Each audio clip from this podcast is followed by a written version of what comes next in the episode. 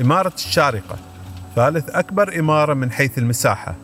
شواطئها الخلابة تطل على الخليج العربي وخليج عمان عاصمة الثقافة العربية في التسعينات وعاصمة الثقافة الإسلامية في عام 2014 تاريخ قديم حاضر مشرق ومستقبل واعد جدا.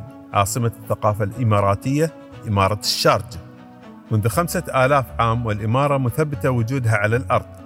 فكانت إمارة الشارجة أحد أغنى المدن على الخليج العربي فأهم ميناء فيها موجود منذ بدء التجارة مع الشرق وموقعها الاستراتيجي الذي لعب دورا مهما في ازدهار المنطقة في تلك الفترة فكانت وقتها أحد أكثر الأماكن إثارة لمطامع المحتلين والغزاة. فهذه الإمارة لها باع طويل في مواجهة مختلف القوى الاستعمارية. الشمس المشرقة من هنا كانت التسمية فمناخها معتدل أدى إلى زيادة في معدلات هطول الأمطار فتحولت عبر الزمن بعض المناطق فيها إلى أرض خصبة استغلها أهلها في الزراعة وأدت إلى بدء استقرار المجتمعات فيها كما إطلالها على ساحل عمان والخليج العربي جعل من الثروة السمكية فيها ثروة لا يستهان بها أبدا. كما جمع اللؤلؤ الطبيعي وازدهرت فيها صناعة بناء السفن. فمنذ القدم وإمارة الشارجة مزدهرة ومفعمة بالحياة الاجتماعية والاقتصادية. ومنذ انضمام الإمارة للاتحاد بدأت مسيرة التطوير والتحديث فاقتصاديا تتمتع الإمارة بتنوع كبير فهو يتكون من قطاعات الغاز والسياحة والتعليم. ولكن قطاع الصناعة في الإمارة له الدور الرئيسي فبسبب نظرة سمو الشيخ سلطان بن محمد بن صقر القاسمي البعيدة والرؤية الحكيمة رأى أنه لا بد من تطوير وتحديث هذا القطاع.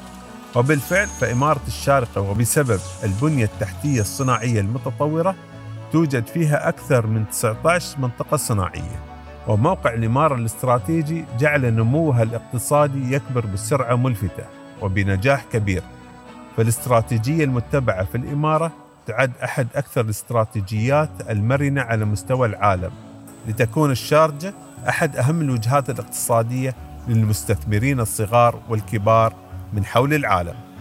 هذا التطور الاقتصادي المذهل لم يزح نظر الشيخ سلطان بن محمد القاسمي عن اهتمامه الواضح بالثقافة فهنا لابد من الإشارة أنه في عهد سموه شهدت الثقافة تنوعا كبيرا فلطالما كانت الإمارة أهم الوجهات الثقافية للمهرجانات والندوات كما المسرح والفنون لتكون في التسعينات عاصمة الثقافة العربية وبعدها عاصمة الثقافة الإسلامية في عام 2014 ونظرا لهذا التنوع المتناغم في الإمارة أصبحت الوجهة المثالية للسياحة فعلى مر الأزمان كانت الإمارة عنوانا للحضارة العربية والإسلامية كما تتميز بعمارتها التقليدية ذات الطابع الإسلامي إضافة إلى المناطق الترفيهية الحديثة ففيها جزيرة النور التي تعد تحفة ثقافية متميزة فهي تمتلئ بالأماكن الفنية وتنوع النشاطات والفعاليات.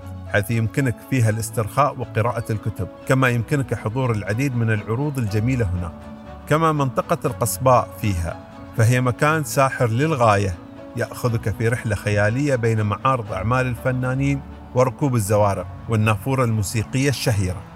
وتشتهر الإمارة بعدد من المتاحف والمؤسسات العلمية والجامعات المرموقة. وبالفعل لا يوجد ما يوصف سحر الشمس المشرقة في الإمارة لتكون بهذا تستحق لقبها واسمها الشارقة.